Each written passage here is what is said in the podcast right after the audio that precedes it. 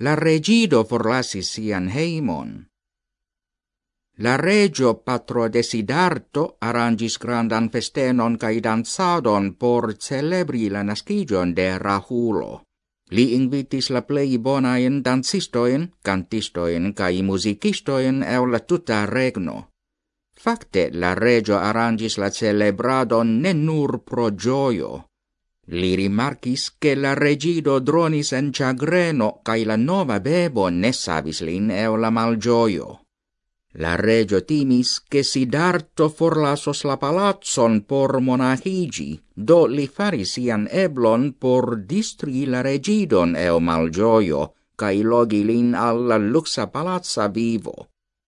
La regido parto prenis en la balo nur por plesurigi la patron, Dum la festeno oni servis la plei bon bongustaen mangiajoin, la knabinoi eo la tuta regno presentis la plei sorciaen cae belaen dansoin, la plei sensivai musicistoi ludis, cae la plei bonai pupludistoi cae magiistoi presentis necredeblaen mirindajoin.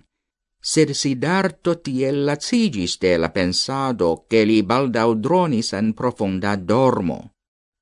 Ciam la cantistoi cae dancistoi vidis tion, ancao ili haltis cae endormigis. Post iom da tempo tiu nocte, la regido vecigis cae surprisigis. Cion li vidis? Sur la planco disecusis ciui plei belai cae charmai dancistinoi, plei bonai cantistoi, plei lertai musicistoi cae plei intelligentai actoroi, en la plei malbelai, hontindai cae abomenindai posoi. Ili ciui clopodis por plesurigi la regidon antau horoi, sed nun iui roncis ciel porcoi cun la buscio malpermita, cae iui grincis la dentoin cae macis ciel malsatai demonoi. Iliai shangigintai aspectoi despli nausis cae malgioigis la regidon kiel subprema kai sufoca cio ci estas. Li pensis, kai turnis ian penson alla ideo forlasi la palazzon. Li starigis quiete en la ciambro, vecis cianon kai petis che li selu lian cevalon cantaco. Ciam ciano pretigis la cevalon, Sidarto quiete iris alla novnascita bebo por vidilin unua foie. Lia edzino dormis ce la bebo cun sia mano sur gia capo.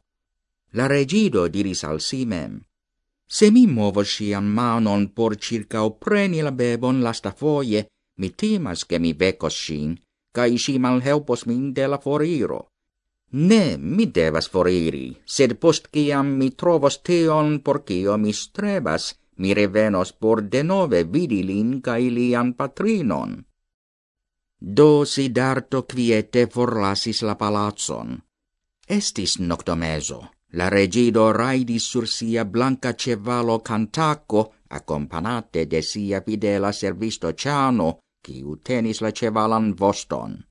Neniu haltigis lin, ciam li raidis for de ciui, ciui lin conis, respectis cae amis. Li fixis sian lastan rigardon alla urbo capilavasto, quiu tiel quiete dormis en la lonlumo. Li forlasis por lernis sion pri maliunigio, malsanigio cae morto. Li decevaligis post ciam li raidis alla bordo de la rivero Annoma, quiu signifas famegon. Li deprenis siain juvelain ornamajoin, temetis la regida in costumoin, cae donis ilin al ciano, porce tiu reiru al la regio. Poste la regido eutiris sian spadon, trancis longa in haroin, surmetis sinclaen vestoin, eo prenis almozan bovlon, cae petis, che ciano reiru cun cantaco. Estas sen utile por mi vivi en la palazzo sen vi, mia mastro, diris Ciano malgioie mi volas sequi vin. Sed Sidarto malpermesis lin resti, quancam li petegis tri foie. Finfine Ciano eciris, sed Cantaco rifusis sin movi.